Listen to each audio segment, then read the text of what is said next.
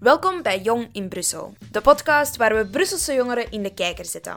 Mijn naam is Femke Gillis en ik ben stagiaire bij Brus. Zelf ben ik 19 jaar en val ik dus ook nog onder de categorie jongeren.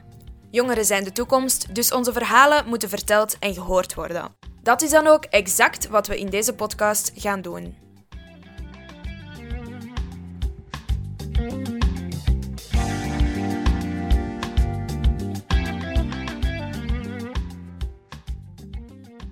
Spijtig genoeg zijn door corona de eetstoornissen bij jongeren enorm gestegen. Vooral in de leeftijdscategorie van 11 tot 15-jarigen.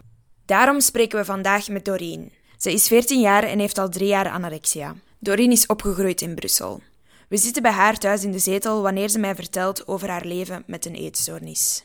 Ik voelde mij heel onzeker, vooral ja, eigenlijk over mijn lichaam. En toen dacht ik, ja, misschien als ik wat meer buikspieren heb, misschien als ik daar een mooi poepje heb, als ik een platte buik heb, dat ik gelukkiger ga zijn en dat, dat mensen mij gaan appreciëren zoals ik ben en dat ze minder commentaar gaan geven.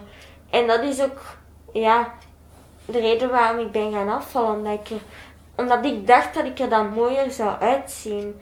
Terwijl dat het perfecte lichaam helemaal niet bestaat. Elk lichaam is anders en het woord perfect, dat, dat ja, dat creëren we eigenlijk zelf. Voor mij een eetstoornis een soort andere zelf of zo, of een andere persoonlijkheid. Iets in u dat u slechte kanten zo overneemt, maar je goede kanten misschien ook slecht maakt.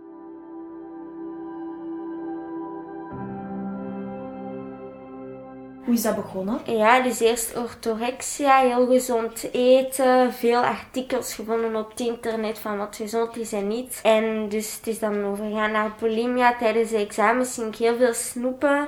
Dan had ik een heel groot schuldgevoel, waardoor dat ik wou braken, maar in het begin kon ik dat nog niet. Maar uiteindelijk heb ik wel dan mezelf aangeleerd hoe dat ik moest, moest braken. En dus dat heb ik een heel lang tijdje gedaan. Ik werd toen al opgevolgd door een diëtiste. En die zag op het moment dat het niet meer zo goed ging en dat ik niet genoeg aankwam, want ik was toen wel al in ondergewicht. En um, toen heeft die diëtiste gezegd dat ik best door een ziekenhuis zou opgevolgd worden. Maar er was zoveel controle en daar kon ik niet tegen. Dus ben ik heel veel beginnen liegen en net voor de weging heel veel gaan eten. Maar dan na de weging ja, gaan braken thuis of zo. Of zelfs in het ziekenhuis ergens, in een wc. Mijn mama heeft dat eigenlijk maar pas beseft hoe dat een eetstoornis echt was toen ze met mij opgenomen werd. Door corona zijn Doreen en haar mama samen opgenomen. Mijn mama mocht eigenlijk kiezen of ze bleef met mij in lockdown in de kamer in het ziekenhuis of ik zou alleen opgenomen zijn, maar ik mocht geen bezoek krijgen. Dus mijn mama is ongeveer, denk ik, zeven weken met mij in een kamer gebleven en we mochten allebei niet naar buiten. In de kamer heeft ze dan dingen gezien, eten gezien op de grond en zo, dat ik verstopte. Maar ja, ze heeft ook veel andere dingen gezien. Dat ik heel kwaad kon worden op haar. Maar dat, dat dat niet ik was, niet de echte ik. Want ik zou, ik zou nooit zo kwaad geweest zijn tegen mijn mama. Ik kon dan echt heel stoute dingen zeggen tegen haar. En mijn mama is ook iemand die heel gevoelig is en ze nam dat meteen heel persoonlijk. En ja, dat was een heel moeilijke periode. Maar dan was er wat meer vrijheid daar in die afdeling. En mocht ik wel af en toe met de begeleiders eten, maar dat was voor mijn eetstoornis heel moeilijk. Want ik kwam van zeven weken enkel met mijn mama eten, veel vrijheid om dingen te verstoppen en zo. En dan moest dat gewoon stoppen, want die begeleiders zouden dat meteen doorhebben. En dus ja, dan ben ik heel, heel slimme tactieken gaan bedenken en zo. Om toch wel die dingen te kunnen verstoppen, want ik wou niet afvallen en volgens mij was ik nog steeds niet ziek genoeg. Terwijl ik eigenlijk aan een BMI van 11 was of zo. Wat al heel zwaar ondergewicht was. En ik wou nog steeds afvallen, want als ik verhalen hoorde van andere mensen met een eetstoornis op, op YouTube of zo. Today I wanted to share with you guys another weight loss meal plan for women. Today I'm going to show you what I eat in a day to lose weight. In today's video we are going to be doing a what I eat in a day to lose weight. Toen dacht ik, oh ja, die zijn wel veel meer afgevallen dan ik. Maar ik was altijd echt op mijn minimum. En ja, ik ben altijd lager gegaan. En ik merkte ook wel dat ik veel haaruitval had, een droge huid. Ehm, ik, um, ik had ook een heel slechte stoel gaan, dat ik niet genoeg naar, naar het wc kon gaan. Ik ben dan ongeveer, denk ik, vier à vijf maanden opgenomen geweest. Degenen die een eetstoornis ontwikkelen, dat zijn toch wel vaak jongeren die een zekere kwetsbaarheid daarvoor hebben. Die zijn meestal heel perfectionistisch, gevoelsmatig gesloten. Uh, um, die hebben heel veel moeite om zich kwetsbaar op te stellen. Uh, die, dat zijn pleasers ook wel. Die willen anderen heel fel tevreden stellen en gaan zichzelf zo soms wat opzij zetten. We horen Ursula van den Ede. Ze is de coördinator van de eetkliniek van het UZ Brussel. Zij en Doreen hebben elkaar leren kennen tijdens Doreen haar opname. En die houden ook heel veel van structuur, hou vast. Hè. En we hebben natuurlijk gezien, met, uh, zeker tijdens de eerste lockdown, waarin dan niemand nog buiten kon, waarin dat er ook geen school meer was, dat die op dat moment, uh, iedereen voelde zich eigenlijk toen wel wat gestrest en angstig, en ook nu nog. Hè. En er is ook minder plezierbeleving, want je kan gewoon minder doen, en nogal geïsoleerd. En ook die nou vast viel compleet weg, zo, wat je eigenlijk gewoon bent. Dus je moet je gaan aanpassen aan een compleet nieuwe situatie.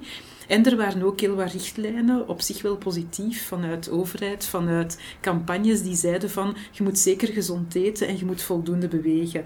Nu, dat zijn vooral meisjes en jongens die de richtlijnen super mooi proberen op te volgen. Hè. Die dan alles wat er eigenlijk wordt gezegd, maar die niet specifiek op hen van toepassing is, die gaan dat supergoed proberen te doen. En we hebben eigenlijk heel wat meisjes gezien die dan uh, in die periode echt gezonder zijn gaan eten, die dan meer zijn gaan bewegen en die compleet controle zijn verloren die dan zoiets hadden van, oh, ik voel mij nu goed door het vermageren op zich. Hè. Die geraakten meer en meer in hun tunnel van het obsessioneel daarmee bezig zijn. En die dan eigenlijk zo in een eetstoornis zijn weggegleden, omdat hen dat ook hielp om met die andere emoties die ze ervaarden om te gaan. En je natuurlijk ook minder sociale correctie. Want normaal gezien, als je gaat eten ook met vriendinnen en zo, dan zie je ook nog wat dat normaal is. En dan zie je ook dat je zelf heel veel moeite hebt met die dingen, omdat je eigenlijk bepaalde andere patronen ontwikkeld. En dat, was, dat is ook weggevallen. Dus die zagen ook niet meer wat dat eigenlijk normaal was en geraakten vaster en vaster in een tunnel van de eetstoornis. En denkt u ook dat bijvoorbeeld sociale media ja. een harde rol heeft gespeeld? Ja, dat heeft zeker ook een rol gespeeld, omdat natuurlijk door het thuiszitten, door het geïsoleerder zijn, is er ook een stijging van het gebruik van sociale media.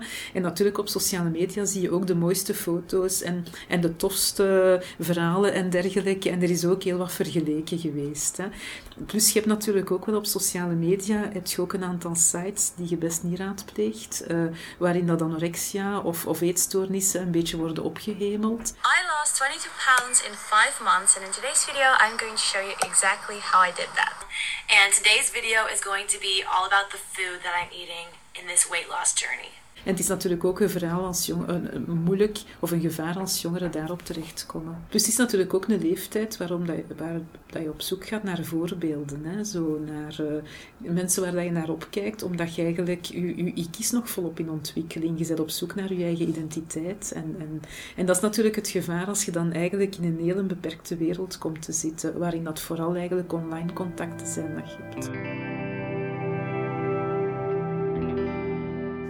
Ik zie nu ook dat er veel meer accounts worden, over, uh, meer accounts worden gemaakt met mensen die tonen hoe de realiteit is.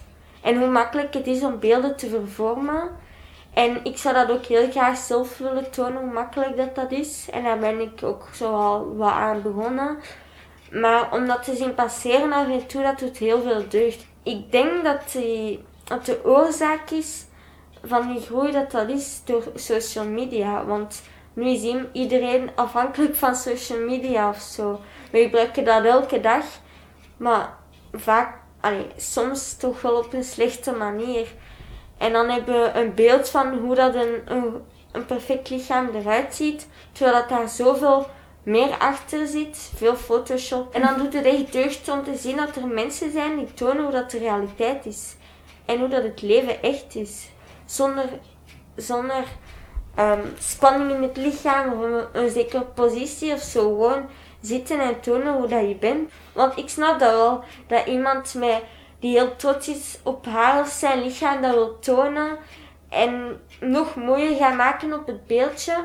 Maar vaak denken die, die mensen dan niet verder naar de mensen die heel onzeker zijn en helemaal niet blij zijn met het lichaam heel veel meisjes of jongens die benoemen dat eigenlijk een stuk van. Het, lijkt alsof er een stemmetje in mijn hoofd zit, of zo een ander stuk in mijn hoofd, of een ander deeltje van mij, dat eigenlijk constant kritiek heeft. Dat is een stemmetje dat eigenlijk constant zegt van, wat heb je nu weer gedaan? Je hebt in een boterham opgegeten, je gaat zeker twee kilo zijn bijgekomen. Dat beperkt zich vaak ook niet alleen tot eten of tot hoe dat ze eruit zien, maar ook hoe dat ze doen. Bijvoorbeeld, wat heb jij nu weer gezegd tegen die persoon van, hoe belachelijk is dat nu niet? Dat is eigenlijk zoals een interne criticus. Dus een stuk eigenlijk in hen. Ze weten wel dat dat eigenlijk een stuk van henzelf is, maar dat constant kritiek heeft op alles, hoe dat ze zijn en hoe dat ze doen. En dat stukje geeft ook heel wat um, niet-rationele en niet-logische gedachten. Hè? Want ze hebben eigenlijk in hun hoofd hebben ze het voedsel opgedeeld in twee categorieën. Dus er is eigenlijk het verboden voedsel en dan is er voedsel dat veilig is. Zijn er volgens u manieren om, om dat ongezond denkpatroon te voorkomen? Je moet zien dat je er vroeg bij bent en dat je eigenlijk heel snel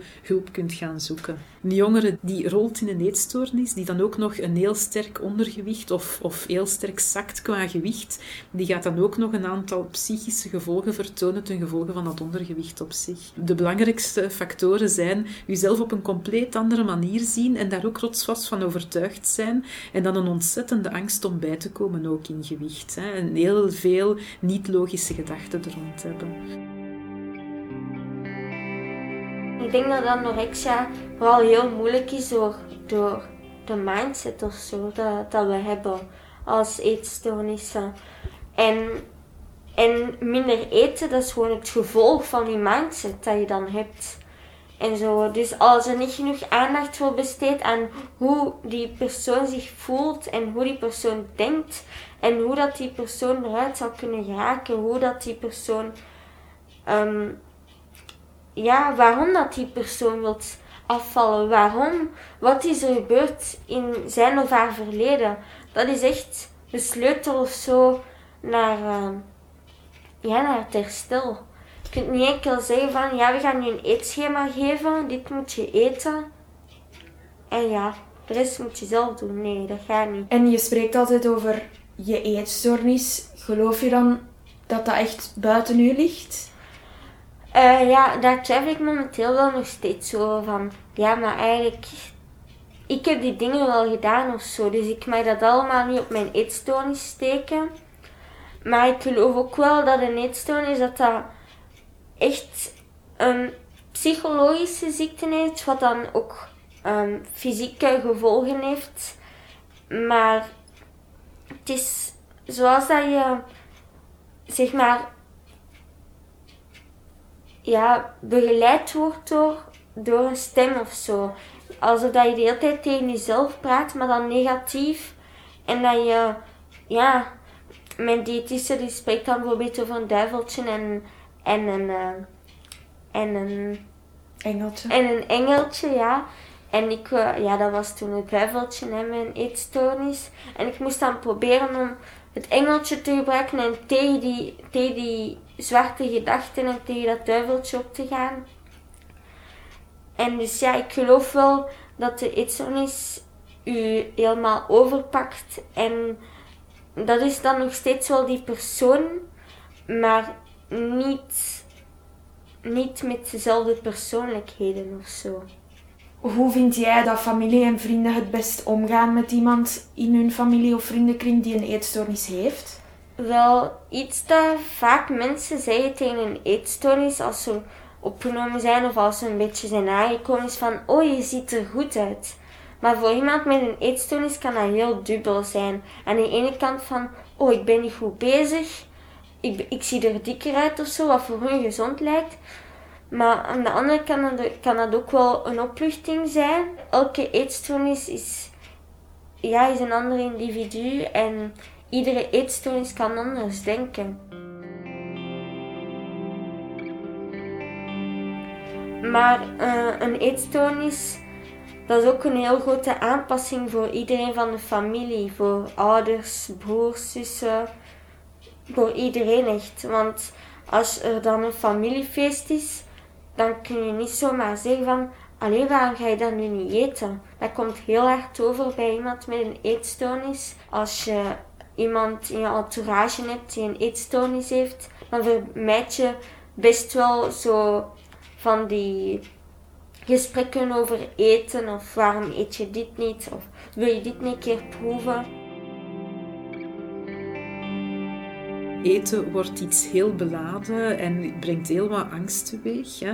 En het is heel belangrijk ook om proberen te beseffen of te doen uit te leggen door die jongeren wat dat er van binnen bij die jongeren gebeurt ook wel. Hè. Niet gewoon van we gaan hier nu meer eten, maar um, een gezonde nieuwsgierigheid. Hè. Zo van wat gebeurt er met jou? Hoe, hoe komt het dat je dat zo moeilijk vindt? Probeer het mij ook uit te leggen. Dat je ook weet hoe dat die is beginnen denken over eten. Een eetstoornis dat is niet iets dat weggaat zomaar. Hè? Hoe beïnvloedt dat jouw leven nu, dag tot dag? Wel, dat blijft toch wel heel... Ik blijf wel heel gevoelig voor, voor opmerkingen, voor... Um, ja, vooral voor opmerkingen. Ik ben daar heel gevoelig voor. Als een sportleerkracht tegen mij zegt van... je doet dat niet goed, je moet meer oefenen dat komt voor mij heel hard over. Het gevoel van, ja, ik, ik doe nog nooit te niet goed genoeg. Ik heb zo het gevoel dat ik niet goed genoeg ben tegenover de anderen of zo. Doreen heeft veel geleerd tijdens haar opname en wou graag een paar tips meegeven, moest je het zelf ook moeilijk hebben om over eten te praten. Als je het moeilijk vindt om te spreken, om dat dan op te schrijven en dan zowel de positieve kant of de positieve gedachten en de negatieve gedachten, dat is heel belangrijk. Maar ook een boekje met allemaal motivaties, um, dingen die je graag zou willen doen als je die eetstoornis niet had, dingen dat je mist uit het verleden, um, maar ook mensen van wie dat je houdt die je mist. Um, wat kan ook heel goed helpen is om uitdagingen aan te gaan. Wat heel moeilijk is en daarbij heb je ook heel wat steun nodig. Maar bijvoorbeeld een lijst maken van wat mis ik toch wel een beetje van iets lekker zoet of zo. En dat kan moeilijk zijn in het begin van, uh, van het proces, want meestal denkt je niet zo eens dan, ik, ik, wil dat allemaal niet en dan denk je daar niet aan. Maar als ze wat verder in haar zijn of haar proces is, dan kan die wel zoiets denken en dan kan het wel helpen om daar een lijstje van te maken en zichzelf uitdagingen aan te, aan te maken van deze week ga ik dit proberen. En wat kan ook helpen is om er echt over te praten en zo eerlijk mogelijk te zijn. En dat is heel moeilijk, want iemand met een eetstoornis die weet soms niet meer wat echt en wat niet is. Dat hij anders denkt of zo en dat hij zichzelf niet meer, niet meer ziet of dat hij niet weet wie dat ze zelf is, wie dat hij zelf is, wat dat ik ook had. En daar moet je terug naar op zoek gaan, dat moet je terug ontdekken. En dat kun je alleen maar door erover te praten, door je emoties en al je gedachten echt op tafel te leggen. En, en ook al is dat van, ik voel mij keihard en ik wil van een brug springen, zeg dat dan gewoon. Als jij of iemand in je omgeving zelf met duistere gedachten kampt, kan je terecht bij de Belgische zelfmoordlijn 1813. Voor problemen rond eetstoornissen kan je terecht bij www.anbn.be of www.eetexpert.be. Die persoon die voor u staat, uw psycholoog, of iemand, dat, iemand dat je kent of iemand dat je niet kent, die zal hopelijk wel veel respect voor u hebben en, en met u praten. Een herstel moet ook niet te perfect zijn of te schoon zijn. Dat is helemaal niet zo. Hoe jij denkt dat, uh, dat het herstel gaat met een rechte lijn, maar eigenlijk is het helemaal geen rechte lijn. Het is echt zo'n curve van boven naar beneden. Dat is echt niet normaal. Ondertussen gaat het al een stuk beter met Doreen. Ze is al een tijdje terug thuis en gaat opnieuw naar school. Bedankt om te luisteren naar deze aflevering van Jong in Brussel.